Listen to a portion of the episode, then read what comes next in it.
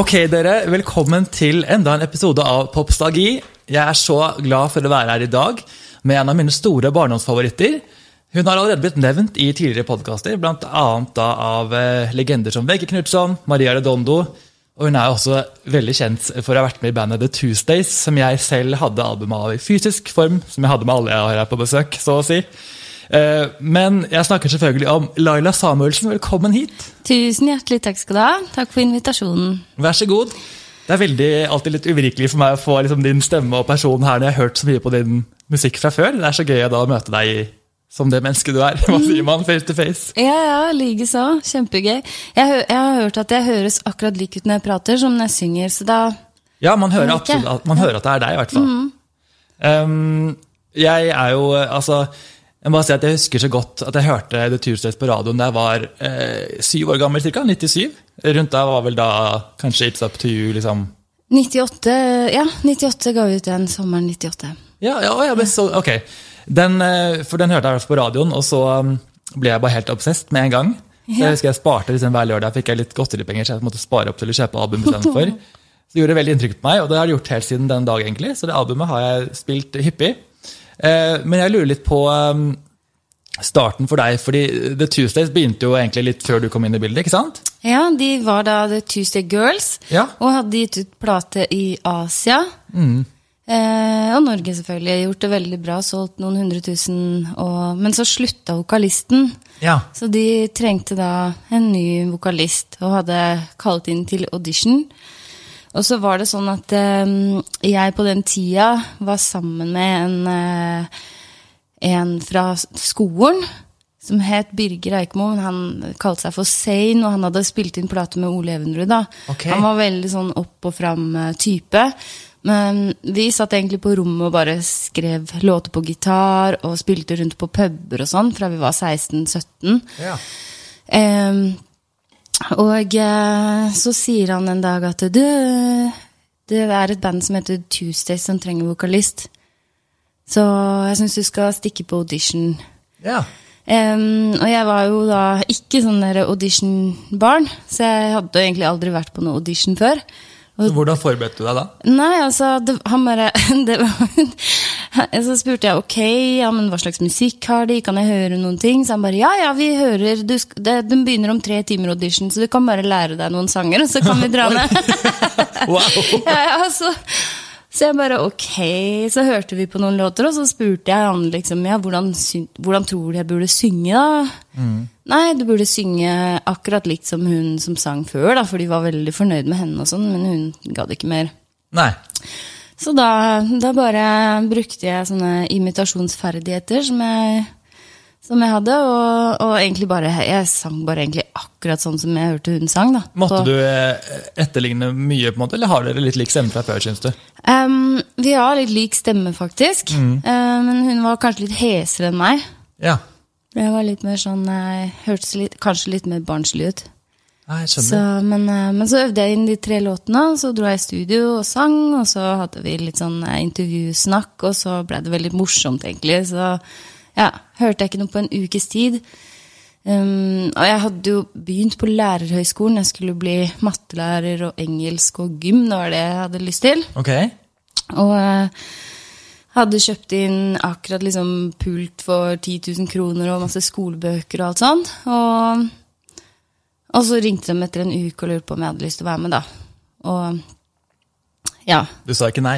Da sa jeg ikke nei, og da ble foreldrene mine ganske sure.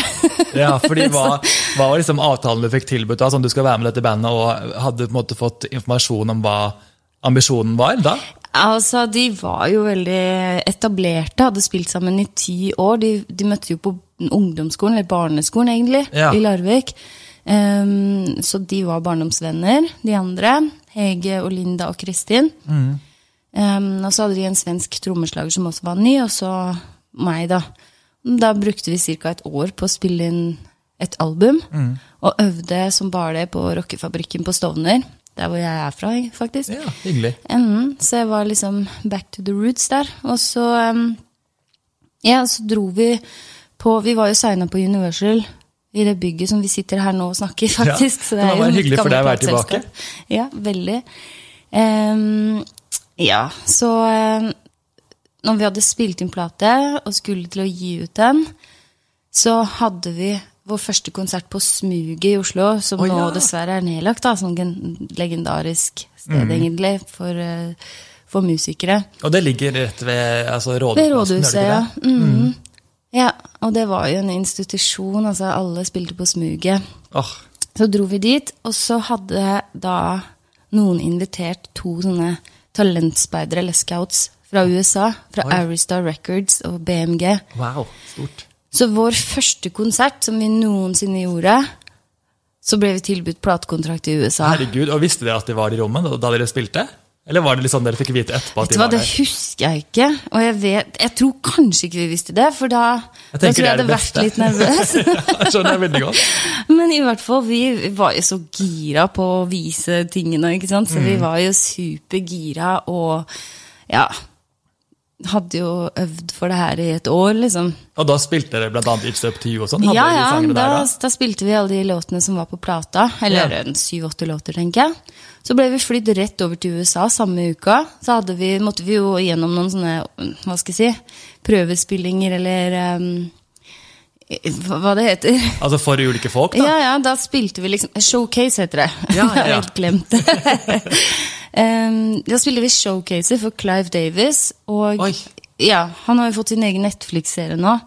Um, Har han det? Ja, ja, han er jo liksom den eh, største A&R, artist og repertoire-fyren i USA. Han Ja, han har sånn sånn årlig liksom- Grammy-fest hvert år. Det er det ja, ja, ja. mest. Sånn. Han var på en måte mentor for Whitney Houston, Annie Lennox, Aretha Franklin, Puff Wow, ja. Alicia Keys. Du kan bare nevne altså, Han signa alle de store. Greit navn å få vist deg frem for, da. Ja, ja, så var han der, da.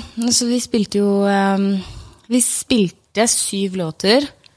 Og det hadde vi jo øvd inn liksom til detaljnivå. Sånn, alle bevegelser, i hvert fall. Jeg tenkte over liksom Ok, her skal jeg gjøre det, og her skal jeg gjøre det, og sånn. Det var en slags koreografi, selv om det Ja, ja, danset, selv om det ser, ikke ser sånn ut, og jeg vet ikke hvorfor jeg hadde lagd akkurat sånn koreografi. men, men i hvert fall eh, så gjorde vi hele showet, og ba, du vet når du gir alt da, i en halvtime, så er det sånn supersvett og sliten og helt sånn. Ja, så klart. Det skjønner jeg. Og så kommer Clive Davis bort og bare Hi, girls. I really liked it. It was amazing. Um, do you have any backing tracks?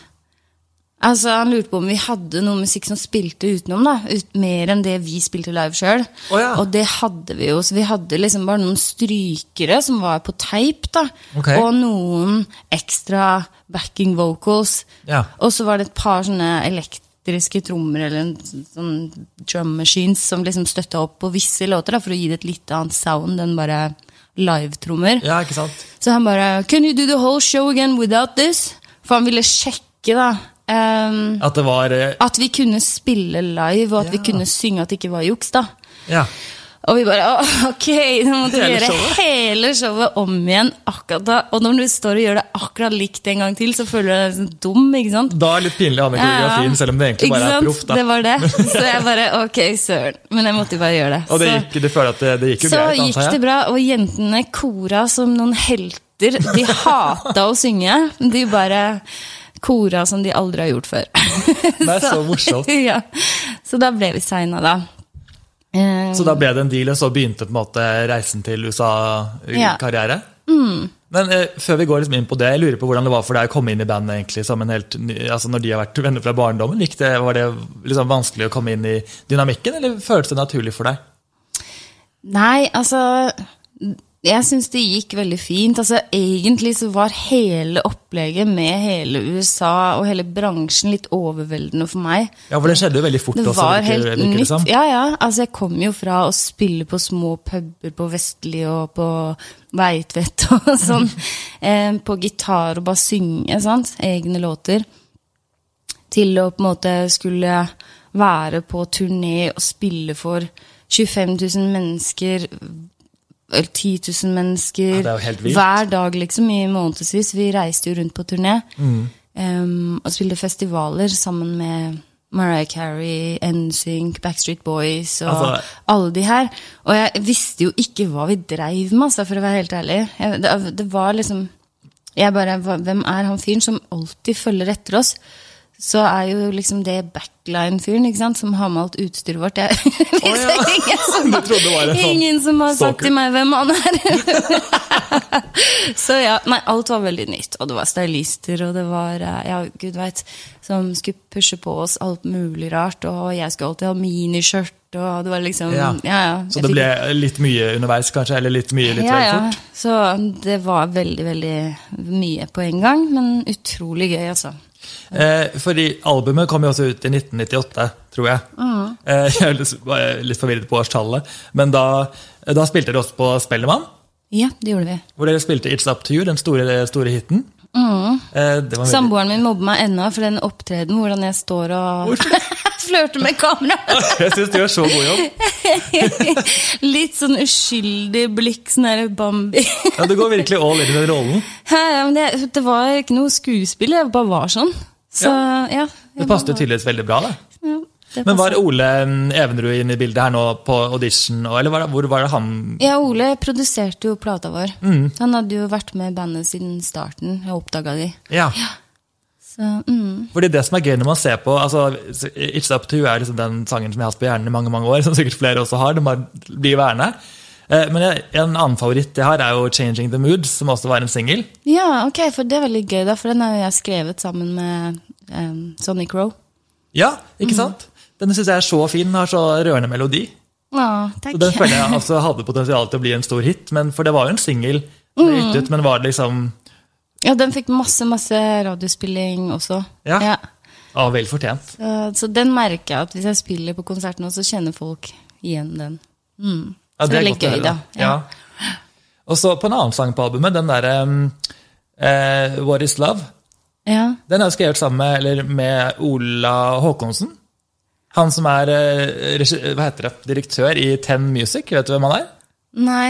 Han, Men eh, den låten ble skrevet før jeg eh, kom med, og jeg Ja. tror, jeg tror det er Ole som har skrevet den. Ja, jeg tror han også var med på den. Ja. Jeg bare så det, for han er da, Det er de som har Sara Larsson og Benjamin Ingrosso. Ja, mange ganske store, da. Mhm, det var morsomt å se hans navn i bildet der også. Det er mange store låtskrivere som er med på albumet. Ja. Så det er litt kult. Men det var kult at jeg også har vært med og skrevet et par låter. For du fikk komme inn liksom i session litt senere etter at de hadde litt musikk fra før, og så begynte Mm. du å bli involvert da du kom inn, så klart. Ja, de hadde jo veldig mye av repertoaret klart. Så, Mm. Men jeg fikk, jeg fikk vært med.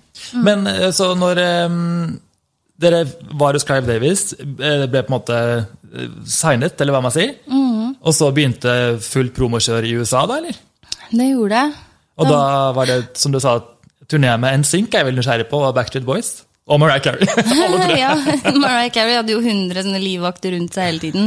Ja. Så vi mingla ikke så veldig mye med henne, da. Nei, jeg skjønner. um, altså, Større megastjerne i USA finner du vel ikke. Nei, virkelig Så, ikke. men eh, NSYNC og Backstreet Boys hang vi litt med og spilte basketball i Nei, så tenke eh, ved turnébussene og litt sånn, da. Så, Herregud. så jeg har spilt basket med Justin. Ble det noe flørt mellom noen av eh, bandmedlemmene eller dere? Hva tror du selv? Nei da, men det er jo litt, det er jo alltid litt sånn Det er jo god stemning. Men Ja, ja. eh, han eh, Justin var jo sammen med Britney på, på den tida, og han andre var vel sammen med hun Aqualene. Og, Oi, det har ikke jeg fått fått det med var masse greier der. Tenk, så. du, har altså, du vet, Britney er min evige favoritt. Det skal ikke så mye til å finne ut det, men det, da har du vært på en måte veldig nære henne, vil jeg si. Ja, ja, absolutt. Veldig. Det er alltid bare én person mellom deg og en annen. vet du. Det er det. Ja, så. Åh, det er veldig rart å tenke på. Men stakkars Britney. Free Britney. Free Britney. Free Britney. Nå, nå blir hun forhåpentligvis fri. Jeg tipper Når den podkasten er ute, så er hun fri. Jeg krysser Håper det, fingrene altså. for det. Håper det virkelig. Det er jo helt vanvittig hva som har skjedd med henne. Det er det. Vi skal ikke gå, jeg skal, kan snakke om det i timevis, men vi skal holde oss på, på rett kjøl her. Eh, men, eh, så dere var på turné da liksom i, rundt om hele USA. og hva, Var det da frem og tilbake til Norge, eller var det bare på en måte basert i USA i mange måneder i strekk? Hvordan var det livet da? liksom?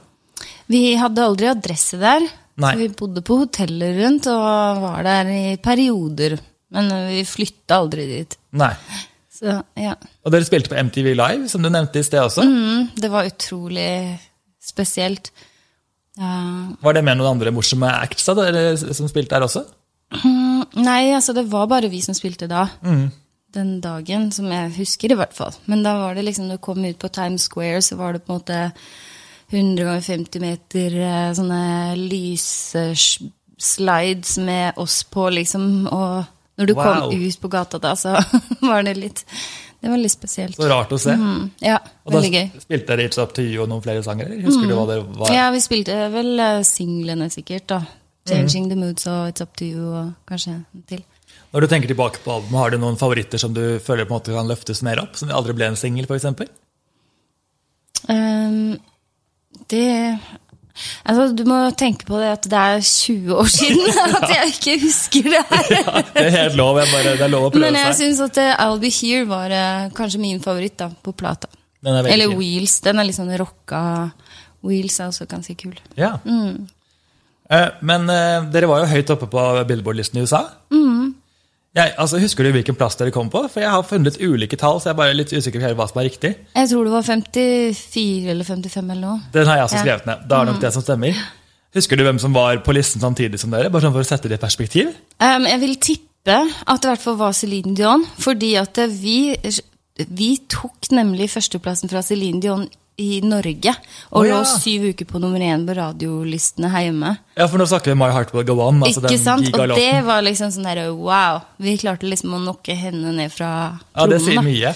Så det var, men det var jo norske Ja, hun, var på, hun var på femteplass i USA samtidig, så det var helt rett. Ja. Og uh, førsteplass var Casey and Jojo med All My Life. Okay. Og hadde Madonnas Frozen på topp tre. Ikke sant? Det er morsomt å tenke Ja, ja, ja, på det musikklandskapet. Eh, og så kommer vi med sånn litt sånn halv Jeg vet ikke, jeg følte liksom at vi var litt sånn for seint ute med det soundet vi hadde den gangen. Syns du det? ja. Det var en veldig, dere hadde en veldig unorsk sound, altså Ja, ja. veldig amerikansk mainstream hadde- sound, som passet bra i USA, åpenbart. da. Ja det, ja, det var mange som trodde at vi var natives. Ja, det skjønner jeg godt. Det trodde jeg også da jeg var liten. Eh, men eh, eh, hva skal jeg si, dere hadde jo også på en måte, Jeg leste at det var et andre album som ble spilt inn, som ikke ble gitt ut. Stemmer dette? Det stemmer. Jeg tror det vel ligger sikkert eh, 30-40 låter der, altså, med Oi. Tuesdays, som er, eh, som er bra ting. Men ble eh, spilt inn underveis på turn- turné, sånn, eller gjorde dere alt dette her etterpå? liksom? eh, vi, vi spilte inn mye før og litt samtidig, litt innimellom. Og ja. Mm. Men så, eh, ja, vi ga det aldri ut. Men her om dagen så så jeg at det var noen som hadde lagt ut på um, Facebook og tagga meg i en låt som var tidligere uutgitt, da. Oi! Så, uh, Hvor kan den være lekket fra, da, tror du? Ja, Det har jeg ingen aning. Men uh, til deg som har gjort det her, vennligst legg ut alt det andre også. Ja, For du har ikke tilgang på det selv? nei, nei, jeg har ikke det, altså. Ja, Det er virkelig en Det er så eh, rart, fordi du vet Vi var liksom før internett, vi var før, før YouTube og før Mm. Spotify og alt det her, så det fins så lite ting ute. Jeg, jeg, jeg vet ikke om man finner MTV-opptreden eller Nei, noe det. det er det som gjør det litt mystisk når jeg skal gjøre research også. Det er ikke så veldig mye ute. så det, det, Når man søker på YouTube, så finner man jo litt, men det er ja. ja, veldig, veldig lite. Så derfor, derfor er det så gøy å ha deg i person. da, Det ikke bedre skille enn det. Men forresten, jeg glemte å spørre, Har du noe kontakt med resten av Tuesdays-jentene i dag? Ja, det har jeg. Vi, eh, vi var jo litt sånn eh, Akkurat etter at jeg valgte å slutte, så var vi ikke de beste vennene i verden, Men, skal sies. Nå, men eh, bare siden jeg sa albumet ikke kom ut, var det der, sluttet du rett etter det? Var det litt derfor du sluttet, eller var det liksom noe Hva hva skjedde på en måte etter at eh, alt det der Long story, men eh, nei, jeg slutta fordi vi hadde litt forskjellig syn på fremtiden og Ja. hva, hvor, hvordan vi skulle satse. Da. Vi hadde muligheten til å kjøre på i USA, eh, og valgte å ikke gjøre det. Um, og jeg tenkte at det var alt eller ingenting, og da slutta jeg. Så tenkte jeg at eh, ok, jeg gidder ikke musikkbransjen noe mer, så nå begynner jeg å jobbe i politiet. Der jobba jeg i ti år. Så du var ikke tilbake til lærer, da var det noe helt annet igjen? ja. Så, ja men jeg gjorde jo ikke annet enn å sitte og skrive låter da, på politistasjonen. Sånn at, eh, Var det nye temaer, kanskje? Som eh, kriminalitet og politi? Bare noen mordlåter. Nei da, men jeg, jeg liksom sakte, men sikkert ble dratt tilbake til musikkbransjen. da. Men denne gangen som låtskriver. Ja, jeg hadde sant? jo vært låtskriver hele veien. Og skrevet for han uh, Zain, han Birger som jeg da snakka om tidligere. Ja. Uh, vi hadde jo skrevet hans album sammen. Ja, ok. Så uh, ja, så Og jeg hadde jo starta band fra jeg var 10-12 år, spilt i selv, og jeg hadde vært låtskriver hele veien, men mm. Ja, fordi altså, Ganske kort tid etter at The Tuesdays på en måte la opp, eller eh, noen år etter, da, så slapp du et eget album, 2002. eh, Nei, jeg slapp egentlig bare to låter. Ok. Ja. Det er nok en å komme tilbake til Ja, den tiden der. Ja, ja, nei, altså um, Jeg har jo hele tiden både gjort egen musikk og skrevet for andre. Men den første Altså første jeg gjorde som låtskriver, var vel egentlig for Eller etter The Tuesdays, da. Første jeg gjorde etter det, var vel egentlig Gaute Ormåsen. Ja, Og um, det var jo Det var på det norske sånn- albumet hans, eller var det noe før det? Nei, det var eh, to engelske låter. 'Miss oh, ja. You When You're Gone' og Er det du som har skrevet den? Ja. Oh, det har jeg ikke fått Oh, den er så fin! ja, takk. Herregud, gratulerer. Litt på etterskudd. Um, ja, som jeg skrev med Jørn Dahl, da. Og det var liksom min sånn, hva skal jeg si, opptaksprøve, følte jeg, til, til eh, bransjen som ekte låtskriver. Mm. Fordi jeg hadde egentlig bare sittet på, på rommet selv, spilt gitar, skrevet alt jeg hadde gjort til da. Ja. Inkludert 'Burning' med Maria Rodondo og sånn. Ah, den er Men- så fin! Den har jeg på listen her, så klart. Ja, og eh, jo, så, så var det Trond Fjellmann da, som var eh, manager på den tiden for Maria Redondo og forskjellige andre, som da sa til meg her, Ella, du må møte en produsent som heter Jørn Dahl. Um, for eh, jeg tror du og han kunne jobbe bra sammen. Ja. Og så hadde han satt opp et møte, så møttes jeg og Jørn Dahl rett rundt hjørnet her, faktisk, på en sånn liten kafé. Og det tror jeg er det mest awkwarde møtet jeg har hatt noen gang. Begge to var sånn ordentlig ukomfortable. Og litt sånn øh, Hva skal jeg si? Og jeg bare, bare så på han, når jeg kommer inn der sånn der blond og ung og langt lyst hår og litt sånn Jeg veit ikke.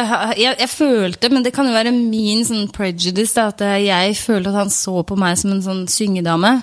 Ja, okay. Eh, og, så, og, så, og så var han litt sånn kort, da, og bare Ja, nei, jeg har, eh, har, noen, har et par låter her som jeg trenger eh, topline til. Topline betyr da melodi, sangmelodi og tekst.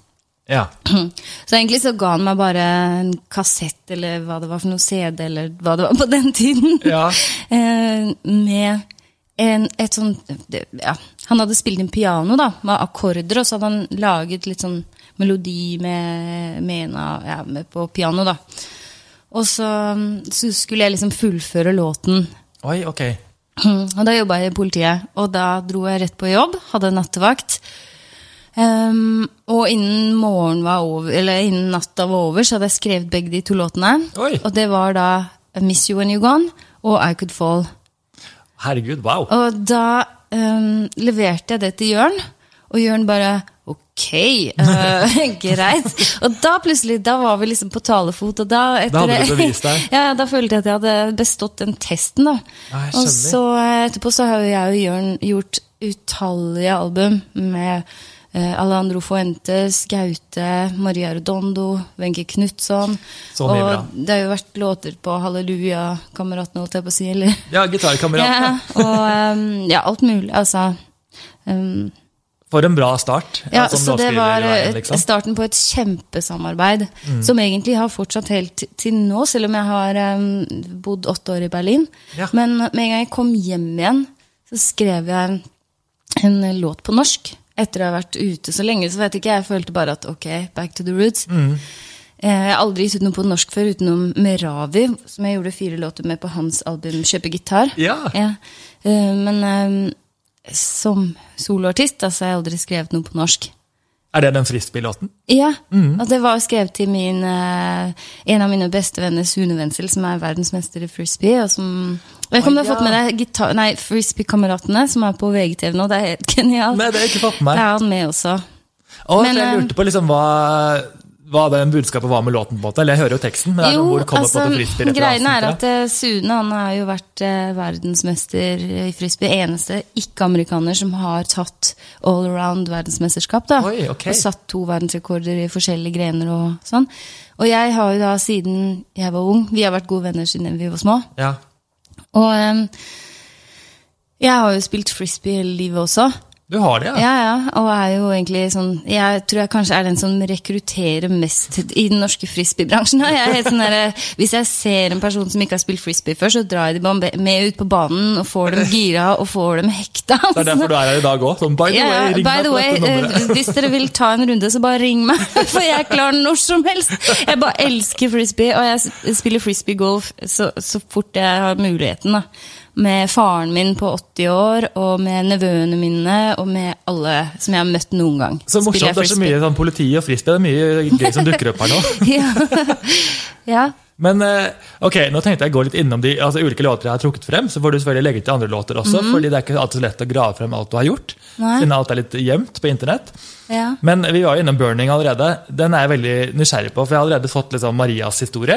Siden jeg dro, ah, ja. dro hjem til henne for intervjuene, rett og slett. Jeg er litt spent på hva Maria sa, egentlig.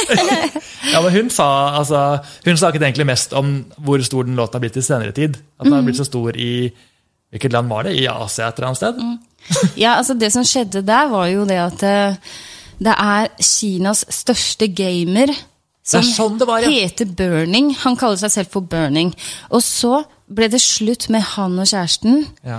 Og hun har da hørt den Burning-låten til Maria Redondo, da. Um, og så hadde hun posta det på sin sosiale medie-account. Ja. Og plutselig så hadde jo denne låten fått 100 millioner streams i Kina. så, sånn 14 år etter at den ble utgitt. Den var jo nummer én i Norge når den ble utgitt her. ja. Både salg og radio og alt. Så det var en hit her hjemme. Men eh, at den skulle liksom slå til i Kina 14 år etterpå, var jo litt sånn Den så man vel ikke komme. Nei, nei, så det var utrolig morsomt. Men hvordan ble den låten til eh, for deg, da? Husker du liksom hvordan den startet? Eller altså, ja, det husker jeg kjempegodt. Jeg husker at jeg satt og skrev den på senga uh, til uh, en som jeg var sammen med da jeg var 17 år. Oh, så uh, tidlig, ja. Ja, Så den skrev jeg bare sånn Den falt ned i hodet. Og det Ja. Based on a true story. ja. Oh, det er gøy å vite. Og så tok jeg med til Jørn Dahl, da, som, som jeg hadde blitt så god buddy med. Ja. Og så gjorde vi den. Spilte vi inn med Maria. Mm. Å, så gøy. Herregud. Eh, du har også vært innom eh, Joe O'Mara fra S Club 7 sitt album. Stemmer det? Det stemmer, altså. Jeg, eh, jeg skrev eh, jeg, Altså Egentlig må jeg starte fra starten fra en story, fordi at det, det, Billy Steinberg er jo da en av USAs eh, største låtskrivere. Okay. Og han har skrevet Like a Virgin, True Colors, Eternal Flame, Wow, A Drove ja. Night og, og sånt. Så når jeg var, var ferdig med The Two Says, eller eh, hadde lyst til å bli låtskriver, da, Mm. så skrev jeg et brev til Billy Steinberg, altså fysisk brev, sendte i posten, med en fysisk kassett. Kassett, altså. Sånn. Og hva var det på den, da? Der var det ti låter som jeg spilte og sang gitar på. Da hadde jeg et sånt lite portastudio med fire spor. Ja. Spilte jeg en to spor med gitar, spilte jeg en to spor med sang. Og så lagde jeg en kassett, og så sendte jeg i posten med et brev som det sto sånn her Dear Mr. Billy Steinberg, you are the king of lyrics. I wanna write a song with you. Så det er sånn man Dear, gjør det. eh, eh, Vennlig hilsen Laila. Og eh, så satt jeg hjemme og venta på svar. Jeg var jo sikker på at han skulle svare. Du hadde tro på at det kom til å funke? Ja, ja. Så når han faktisk svarte noen uker etterpå og inviterte meg til LA, så var uh, vel jeg den eneste som ikke var forbausa rundt meg. da. Alle bare 'what?' Han svarte. Uh, så ja. Så dro jeg til LA, og så uh, jobba jeg med Billy, da. Og ble godvenn med han. Han hadde vel mye han kunne lære deg også? sikkert? Absolutt. Jeg har lært så mye av hans eh, skriveprosess og hvordan han tenker. Han er jo en frekk fyr, altså. Han, han er jo sammen med en sånn katolsk dame som føler seg skyldig for alt. Men Billy er sånn Han er jo 60-åra, kanskje 70 nå.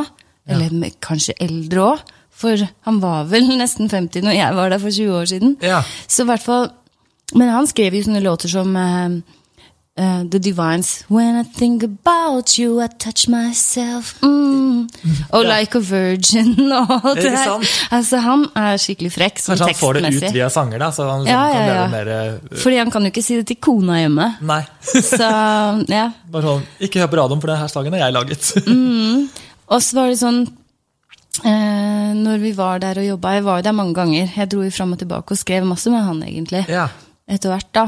Og han eh, introduserte meg for masse andre. Sånn gangsterrappere og Up in the Hill og Når vi kom og da- eh, banka på døra, en sånn 60 år gammel, liten jødisk mann med sånn sølvhår og meg, da, så kommer vi, og så åpner det opp en sånn skikkelig svær gangsterrapper med gullkjeder og sånn. Kommer vi inn, så er det sånne kongelige stoler i gull og sånn, du vet, med plastikk på. Oppi sånne mansions oppi in the hill. Og Billy bare for å bryte isen. Han var superbra på det. da For jeg ble jo nesten redd når de åpna døra, og at jeg så liksom, han vi skulle jobbe med. da Ja. Jeg ble supernervøs, men så hører jeg Billy bare Hey, do, do people always tell you that you look scary? Så han bare ha, ha, ha. på sak. Ikke sant? Ja, ja, så der var jo liksom isen brutt. Og ja. Hva annet var det dere jobbet på da som kom ut? Husker du, Er det noen flere låter du vil trekke frem? ja vi jobba med en låt som heter Friction. Ok, Igjen sånn frekk tekst. Ja. Det er greia med røde tråden. Og det ble til en låt som het Alu Aga Apa 6. Eh, ble ble spilt inn av sånn japansk eh, superband. Oh, ja. ja, Betyr det noe med friction, det også? Det jo, Tydeligvis. Altså, det skjønte jeg ikke bæret av når den ble oversatt. Så det, men det, de tok i hvert fall med sex Ja. i tittelen. Det gjør de gjerne sånn. Jeg har jo skrevet flere låter for det asiatiske markedet. Eller ikke for, da, men um, det endte opp som det, på en måte. Ja. Ehm, de har tatt låter som jeg har skrevet og bare oversatt og lagd sin egen tekst. Og da, da putter de bare inn sånt engelsk ord som bubblegum, sex, Coca-Cola Et eller annet som de Som folk har hørt, da. For de kan jo ikke et ord engelsk. Nei. Men de, ha, de kan sånne Superman og sånne, sånne ord, da. Så putter de bare det som tittel på låten, og så handler det om noe helt annet. det er så rart. Ja, det er kjemperart. Wow, ja, for Det er ganske annen verden når man tenker på det på den måten. For Jeg merker altså at jeg hører på sanger som jeg kan huske navnet på, og da er det lettere at jeg har et engelsk navn så klart for min del. så det, det funker jo tydeligvis. Ja, ja, absolutt. Jeg bet rett på. Ja, nei, og så skrev vi jo en låt for hun eh, Joe O'Meara da, fra Ja. S-Club 7. Mm. Meg og Billy Steinberg. Gøy, Hun driver jeg faktisk og snakker med på Insta. Hun svarte meg på en eh, litt ivrig fanmelding jeg sendte forleden. og Da sa hun at hun gjerne ville være med i podkasten. Er det sant? Så gøy. Ja, Jeg har aldri møtt henne, da. Hun Nei. bare fikk låten. Eller valgte å spille den inn. Jeg kan jo alltid hilse hvis jeg får kontakt med henne. Det var sånn at du har jobbet, Må du hilse og si indirekte. at det var hyggelig at hun ville spille inn låten. Ja, det skal jeg gjøre. eh, og så eh, tilbake til Norge. Vi har allerede nevnt Alejandro Forventes, men eh, Stars ble en veldig stor låt. Mm. Og du jobbet egentlig på hele albumet, som jeg forstår. Ja, Hellify. Ja. Ja, Og den er også så fin. Ja. Han, eh, han har liksom en veldig unik stemme. Men jeg føler, du, du har jo selv også, Det var kanskje etter at du etter, gjorde stemmen din om, men du hadde jo en veldig sånn, litt hes stemme du også i The Tuesday, i hvert fall. Litt sånn der, eh, det føler jeg at du og um, Vegge Knutson har en likhet i. At det er litt sånn der, eh, mye luft i stemmen, i hvert fall til tider. Om du skjønner hva jeg mener? Mm, ja. ja, så på Tuesdays så så var det litt mer sånn at jeg bare sang som jeg ble fortalt av eh, Ole, da. Mm. For jeg Den eneste låten på The Tuesdays-albumet som vi ikke på en måte produserte vokalen så nøye, var jo faktisk It's Up To You. Den tok vi tre takes på. For at ingen hadde tenkt at det skulle bli en singel. Oh ja, så rart. Så det var bare sånn hurtiginnspilling, og det var egentlig meningen at vi skulle spille inn vokalen på nytt på den. Oh ja. Så vi var i studio A Room With A View i New York med Clive Davis og skulle spille inn den på nytt. Oi, okay. Og tok hele dagen og spilte inn og var så nøye og gjorde det liksom perfekt. Til slutt så sier Clive Davis bare no, no, let's go for the demo version. Oi, Så den ble sånn som den ble. Og det er kanskje den nærmeste sånn som jeg naturlig sang da den gangen. ja, Det er i hvert fall en fin Men- mm. ting, da, at de valgte å beholde den som er Ja. nærmere din stemme. på en måte. Ja, men jeg tror det er kanskje litt derfor òg, at det ikke hørtes så innøvd og produsert ut, da. Selv om jeg digger de, hvordan det låter på mange av de andre låtene også, så var det ikke helt min stemme å være den hese, da. Nei. Så jeg hadde vel litt mer sånn klar stemme. Den, eh, den har en sånn rar outro, den sangen der. Ja. Som hva, vet du hvor den kom inn i bildet? Ingen hva det er for noe? For Nei, det sånn, ingen aning. På det Tuesday Girls-albumet heter det sånn 30 Seconds in India eller noe. ja. Veldig merkelig. Eh, Men du nevnte før vi begynte å spille inn at eh, dere spilte noe av musikken i samme studio som A-Teens. ja. Altså, det kom ikke opp tilfeldig, jeg snakker jo alltid med A-Teens, som dere kanskje vet. Men eh, kan du bare fortelle noe om det? Vær så snill. Please. Sånn at det bare er ett liksom, ledd mellom deg og A-Teens også. Det, Ja. er, det er meg. Det er det jeg vil kjenne på. Nei, altså de var jo, hadde samme produsent som oss, da, Ole Evenrud. Mm. Så da kom jo de i studio i, um, i Göteborggata og spilte inn eh, sitt album der. Det ble ikke noe sånn der, å, kan du være med og skrive noe her for oss? Og, for da var jo ikke du helt i låtskrivermodus, Um, kanskje? du mente at de lurte på om jeg skulle skrive om ABBA-låtene som de gjorde cover av? Det var den perioden der, det var jo hele konseptet var jo at A-Teens det jo, står jo for ABBA-teens. Ja, de så de bare- gjorde jo bare ABBA-låter. De hadde tre album med egne låter òg. Hadde de det? Men det er det ikke alle som har fått med seg. så det er Nei, lov at du ikke... Og Nei, det var sikkert... Jeg Eh, trodde jo det var hele poenget, de gjorde coverlåter for ABBA. ja, men De het ABBA-Teens, og så fikk de ikke lov lenger, så de byttet om til A-Teens etter hvert. Og da lagde de egen musikk. Ja, skjønner, nei. Så da har vi lært det. Da hadde det toget gått. Ja. Men Wenche uh, Knutson har allerede nevnt. Du hadde jo, uh, skrev jo en del låter for henne. Mm. Um, du skrev bl.a. 'Win With Your Hands Down' Mm. og uh, 'Walk the Walk', Ja. som ble albumtittel på det album nummer tre for Wenche. ja. Men den, den eh, mest eh, populære låten til Wenche som jeg skrev, var vel egentlig 'Jealous Cause I Love You' Grand Prix-låten. Grand Prix. Den er ja. veldig catchy. Ja. Den, eh, det var litt gøy, fordi jeg hadde jo skrevet den også sammen med Jørndal. Mm. Og ehm, eh, Alex Kronlund, en svensk artist, som også Ja. har skrevet mye for Britney. Jeg vet det. Han har skrevet mye. ja. Ja, eh, men i hvert fall eh, Så lette vi etter en som kunne synge den låten. da. Og den låten 'Jealous Cause I Love You' handler jo om en sånn splitte pine gal stalker-dame som, som gjør alt mulig rart da, i en sånn besettelse. For hun er så ja, besatt av en fyr. Ja.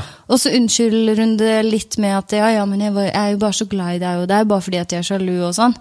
Men eh, hun er jo kaninkoker, liksom. ja, skjønner, skjønner. Sånn at det, for å komme unna med den teksten, så måtte vi ha en som på en måte var veldig uskyldig, da. Så der falt jo valget på Wenche. Perfekt. Så, og, og når vi skulle spille inn låten, så sang jeg kor, da. Som jeg pleier å gjøre på alle platene som jeg skriver, da. Ja. Da synger jeg backing vocals på, på de, på okay. Alejandro og alle andre. Så um, spurte Wenche om jeg hadde lyst til å være med i Grand Prix, da, og være med på scenen mm. og synge kor. Siden jeg allerede gjør det på plata, og ja, som du sa i stad, stemmene våre matcha ganske bra. ja, absolutt. Så ja, så tenkte jeg det kan jeg gjøre. Og så er det jo sånn på Grand Prix at du har maks lov til å ha seks mennesker på scenen. Er det en regel, ja? Ja, ja. Og all vokal må være live.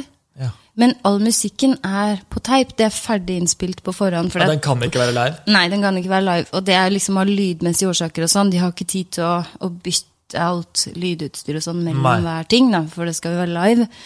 Så all musikk er spilt inn på forhånd, og da spurte produsenten, TV-produsenten da, om jeg ikke kunne også da mime piano. Å ja. Så, så sa jeg bare ja, ja, det kan jeg selvfølgelig gjøre. Og det er jo veldig sånn enkel um, pianointro der. Eh, Det er sånn kling, kling, kling, kling. She's really pretty, now isn't she? Ikke sant? ja, ja. Og så ja, tenkte jeg det kan jeg jo gjøre. Og så kommer vi i Spektrum, og jeg skal sette meg ned. Og jeg er så vant til å synge foran mennesker. ja. Men herlighet når jeg skulle spille det pianoet, de skulle filme hendene mine på nært hold. Jeg satt sånn her og skalv. Jeg bare Shit, hva har jeg gjort nå? Så Ja, For du ville spille riktig likevel, så det så ekte ut? Altså, det. Du kan jo ikke bare sitte og, og liksom klaske hendene ned på pianoet. Det må på en måte se ut som du Men jeg kunne jo spille altså Det var jo bare en veldig enkel kord med Ja. tre noter i, som Jeg jeg, skulle spille sånn kling, kling, kling. Det er jo ikke veldig vanskelig. Nei, nei. Men jeg hadde aldri liksom spilt piano i gåsetegn da, live før i Oslo Spektrum. Person, det skjønner jeg veldig godt. Så, så det var, eh, da var jeg så nervøs som jeg aldri har vært før, faktisk. På å mime piano, liksom. så når refrenget kom og jeg skulle synge, så bare Phew, nå skal jeg gjøre noe jeg kan. Så MTV Live går bra, men når du skal mime piano, da Ja, blir du nervøs. fader, det kan ikke anbefales, altså. Det er veldig nervepirrende. Men det året her, eh, 2010, Mhm. da husker du hvem som vant eh, hele Eurovision det året? En liten quiz.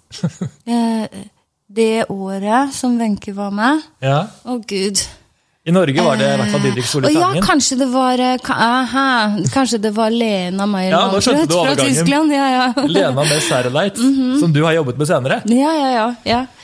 Så, Var det, kom du i kontakt med henne liksom så tidlig, eller møttes dere senere? Ikke, eller var det via Grand Prix dere møttes? Sånn tilfeldigvis? Nei.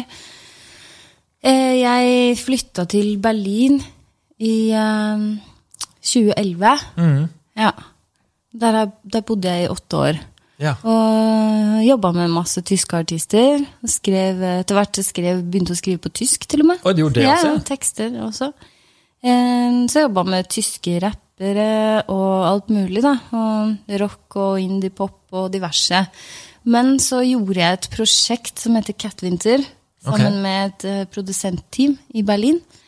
Og så hadde Lena og hennes team da hørt det soundet som vi hadde kommet opp med. ja. Som var litt sånn elektronisk pop, eh, litt sånn Ellie Golding-aktig. Sånn produksjonsmessig. Eh, Litt eksperimentelt, da.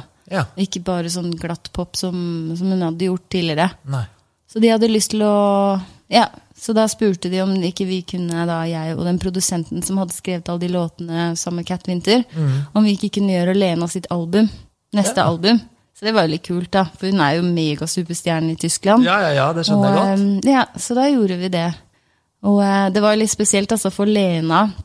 På den tida hun hadde vært sammen med en som heter Max i Ok. ti år eller noe. Typen hennes. Og de hadde litt sånn avstandsforhold da, for uh, Lena er jo sånn superkjendis der borte, og Mm. så, kanskje en av Tysklands mest busy personer, liksom. Ja. Bortsett fra statsministeren.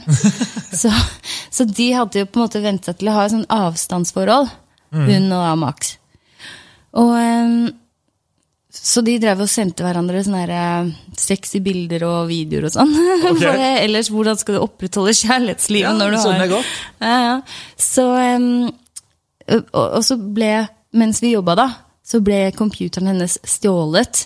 Oi. Ja, sånn at eh, alle de her eh, sexbildene og alt sånt da, var jo da på avveie. Å nei.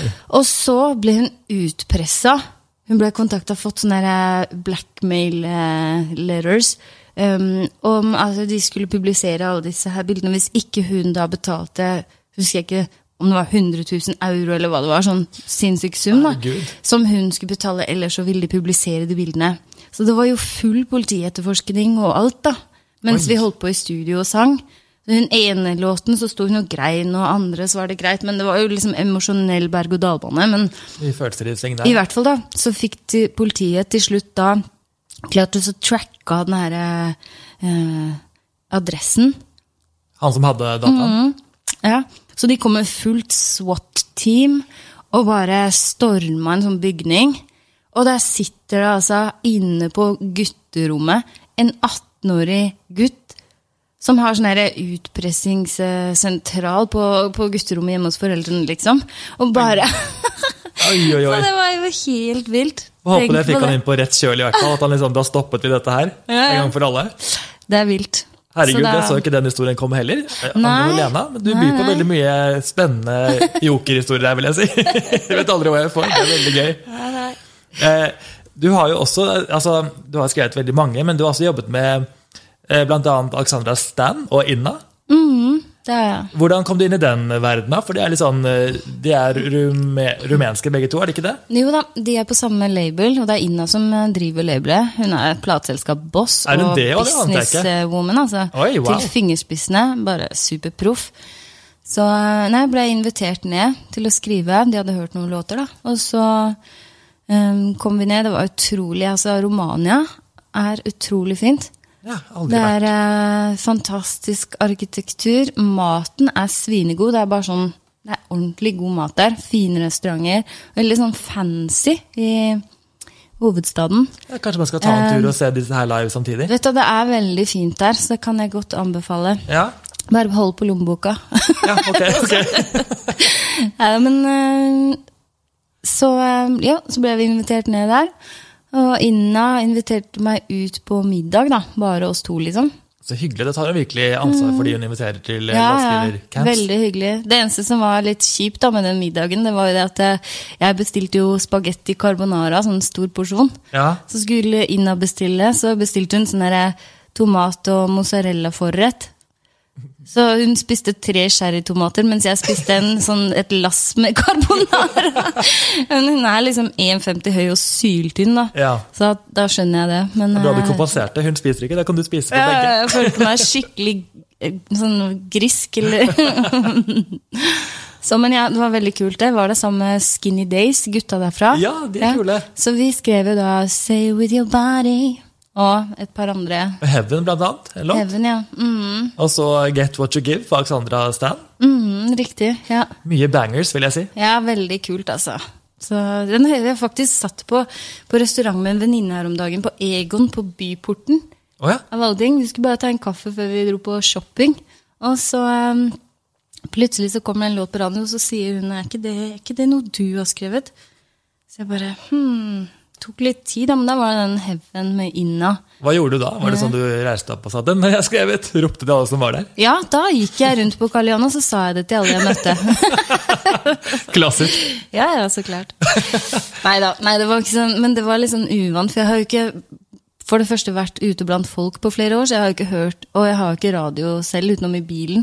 Nei. Så det er ikke så ofte man hører, hører låter på radioen lenger som man har skrevet. Ja, det må være veldig gøy fortsatt, selv om du har gjort det i mange år. Ja da, det er kjempegøy. Så eh, Du nevnte også at du jobbet med Marion Raven i 2018. Ja, det stemmer. Hun har jo også vært en eh, gjest her. Jeg føler at jeg brukte en time på liksom, bekrefte for henne at jeg faktisk elsker det hun har gjort. For hun var, Jeg gikk jo nøye gjennom M2M sitt album. Ja, ja. Jeg tror hun skjønte det vært sånn Oi, du er genuint stor fan, liksom. Håper hun skjønte det i hvert fall. Ja, ja, ja. Hva var det dere lagde for noe? Er det noe som har kommet ut? Du, eh, Marion kom ned til Berlin, der hvor jeg bodde, da. Og så um, skrev vi i noen dager sammen med to andre jenter, en produsent og en annen låtskriver. Så vi var liksom fire jenter, og det som var litt spesielt, da var at det, vi var fire jenter født i tvillingens tegn. Så det var jo sånn kaklegjeng ut av Jeg vet ikke hva. Det var eh, høyt, eh, høyt støynivå i noen dager. eh, og mye kreativitet. Ja, Da blir det vel gøy musikk? Det var altså. veldig veldig gøy. Og da skrev jeg en låt på engelsk, faktisk. Fordi vi var jo i Tyskland og jobba. Så vi egentlig skulle lage noe internasjonalt. Ja. Men så ville Marion gjøre plate på norsk. Så hun oversatte den ene låten vi hadde skrevet der nede, til norsk. Hun gjorde det, ja. Ja, øh, Og det er en låt som heter 'Svømmer', som er på hennes øh, siste norske album. Ah, ok. Ja, veldig kult. Wow, det er morsomt å vite. Ja. Eh, og så, Nå skal vi snart runde her, men du er jo eh, aktuell med ditt eh, nye prosjekt, eh, Shandle, Shandle and Samuels. Jeg måtte bare lære meg å si det riktig. ja. Jeg hang meg veldig opp i at han eh, Jeg googlet han tidligere, og da sto det 'Shandle in the Wind'. Syntes det var veldig gøy. Ja, det var det jeg. Jeg var faktisk mitt forslag at han skulle kalle seg det. Jonas Shandell er en kanadisk låtskriver som jeg traff i Berlin. Okay. Som jeg dro til eh, Spania og skrev noen låter med. ja. Og det, vi skulle egentlig bare skrive for andre. For han er også låtskriver, jobba med Schiller og Lene og litt forskjellig. da. ja. Um, men så bare klikka vi veldig. Så vi endte opp med å gjøre et helt album. Vi dro til Spania to-tre ganger og skrev. Så spilte vi inn en EP i Berlin med Simone Jones, en sånn DJ-dame fra LA. Ja. Som er en veldig kul produsent. Ok. Ja, og så um, Og så spilte vi inn resten av plata på hver vår kant. For pga. korona så kunne vi ikke møtes. Han var i Canada, jeg var i Norge. da. For da hadde vi begge liksom flytta fra Berlin. Så da, da brukte vi det neste året på egentlig bare gjøre ferdig plata på hver vår kant og spille inn ting her og der. Mikse, sende fram og tilbake. Det var en ganske slitsom prosess. Ja, Og det ble da In The Green, som er ute nå. Ja, Som riktig. kan gå og høre på.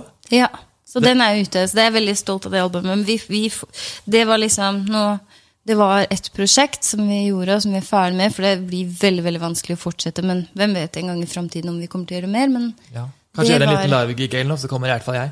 Absolutt, da skal vi invitere deg. Vi må bare få han over hit først. Ja. det, det får vi begynne å jobbe på. Han er litt stuck i Canada for øyeblikket. Ja, jeg skjønner. jeg skjønner. Mm, så, men, eh, ja. men ellers så har jeg, jeg har hjemmestudio nå i Ja. mitt eh, nye hus. Og da er Jeg så heldig å bo sammen med en, eh, en som er veldig glad i utstyr og det å ja, leke med lyd, sånn som meg. Da. Så vi gjør masse prosjekter. Vi har skrevet sikkert 40 låter siste året. Oi. Så nå holder vi på å produsere litt forskjellige ting. Er det låter som du, da, som du vil gå ut og på en måte pitche til artister? Hvordan går du frem da? Nei, det er låter som vi spiller inn selv. Ja. Så eh, vi synger litt begge to, så, men mest meg, da, eh, som synger. Og så spennende. Eh, Men det, det er veldig kult, for det er liksom den neste låten som kommer på nyåret en gang, den er helt, helt annerledes enn noe jeg har gjort før, tror jeg. Men den har litt soul, den har litt sånn svensk indie-pop-greie, den har litt sånn Den har litt pop. Den er, den er veldig variert, og den er litt 70s. Jeg får både Prince, Annie Lennox, Peter Paul Mary, Vibber og Pink Floyd og alt. Oi, for en god liksom, blanding. ja, ja, det, er, det er veldig spesiell låt, altså. Og det er en duett som vi gjør. Så jeg Ah. gleder meg skikkelig, skikkelig til å vise den låten. Ja, Det blir veldig spennende å høre. Så, så det er meg, og så er det Fred Beck. Når man ser tilbake på alt du har gjort, det har vært så mye forskjellig som vi nå har eh, sett. Det er liksom noe som stikker seg ut, som var det som på en måte var eh, et sånn veldig stolt øyeblikk for deg, eller en låt som du på en måte kommer tilbake til igjen og igjen, liksom? Klarer du å trekke frem noe hendelser eller musikk? Nei, Jeg tror vel egentlig det at det jeg er mest fornøyd med, er at jeg har kunnet gjøre musikk og leve av å skrive låter så lenge. I over 20 år. Um, hadde jeg starta med det nå, og sånn som det er blitt i bransjen, så hadde det vært umulig å leve av det. For nå, jo, nå har jo bransjen blitt sånn at man ikke lenger får betalt for å være låtskriver. Veldig, veldig lite, i hvert fall. Ja, altså, nei, ja, veldig Ja. lite kan du si. Altså, det, det, det, du får betalt det det koster å ta bussen til studio, liksom. Ja. Men uh, uansett, så hvis du skal leve av det, så må du ha hundrevis av millioner av streams per måned. Og det er jo særdeles få som kan gjøre det em, kontinuerlig, da. Man lever vel Så på det- alt det rundt når man er på artist. Altså, er det turné og samarbeid med ulike merkevarer og alt det der også? Ikke sant? Så det man lever av i dag som artist, er jo på en måte Hvis man er så heldig å få live-jobber, da, Mhm. som kan betale. Men uh, som låtskriver så kunne man ikke satt ut og levd av det i dag. For det, da er det jo kun streaminginntektene, da, som er sånn 0,0002 cent per avspilling. Ja. Så da skal du ha noen millioner streams per dag for å, for å kunne gå og kjøpe en kaffe hver dag. ja nei, det Mm. håper jeg gjør som med at det blir litt bedre forhold for låtskriver også. Ja, jeg håper det, altså. Men uh, det vi får se. Men iallfall så syns jeg det er kjempe, kjempe digg å ha hjemmestudio og kunne bare gjøre alt selv. For vi gir ut på eget label. Ja. Så da slipper man på en måte i hvert fall gå veien via et selskap da nå. Ingen mellommann og helt Nei. frie tøyler. Det må være så Helt fritt deilig. heller. Det er superdeilig. Er det noe eh, Siden du har skrevet for så mange andre artister, og er det noen du igjen som du drømmer om å jobbe med? Så er det noen spesielle du bare åh, jeg vil så gjerne gi ut en låt med Um, altså Det er jo litt sånn at hvis man vil noe, så kan man jo gjøre det. mm, Bare sende et brev til dem, sånn som du pleier å gjøre? Så nå skal jeg sende brev eh, til Max Martin. Ja, gjør det! gjør det. Neida, men jeg har sendt et brev til Hanne Sørvåg. Ja. Og dere har jo gitt ut en sang sammen. Ja, Vi har nettopp gitt ut en låt som heter Glitch. Ja. Og det kommer en sånn eh, hva skal jeg si, en sånn glitch-boks om eh, noen par måneder med to remixer og, og vår originalversjon. Så det er veldig kult. Oi. Men neste uke så skal jeg og Hanne Sørvåg igjen, da. Hun svarte jo på brevet mitt. Ja. Eh, og eh, vi skal inn og spille inn en ny låt som jeg har skrevet. eh, neste uke. I Wow. studio med Jo Schumann, som er hennes faste gitarist gjennom alle år. Så vi tre skal, vi skal mekke ferdig en låt um, neste uke.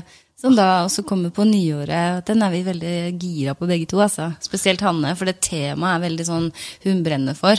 Ja. Jeg hadde skrevet en låt, og det er litt sånn sjelden at en annen låtskriver spør om de kan gjøre en låt som de ikke har skrevet selv. ja, ok. Så, så Hanne var sånn 'Å, please, kan vi gjøre den låten sammen?' Så, Det er jo stort, da, når Ja, ja. anerkjenner du Veldig, veldig. ditt talent også. Ja, så det var veldig kult. Og da Ja, så da gjør vi det som en duett. Igjen. så spennende, Da har vi mye å glede oss til, føler jeg. At det er mye musikk på vei. Altså, jeg gleder meg veldig altså, til 2022. Det blir Åh. kult. Jeg også. Men da er vi egentlig i mål. Altså, det er veldig, jeg må si igjen, det er utrolig gøy å gå gjennom alt du har gjort, for det er en så lang og spennende karriere.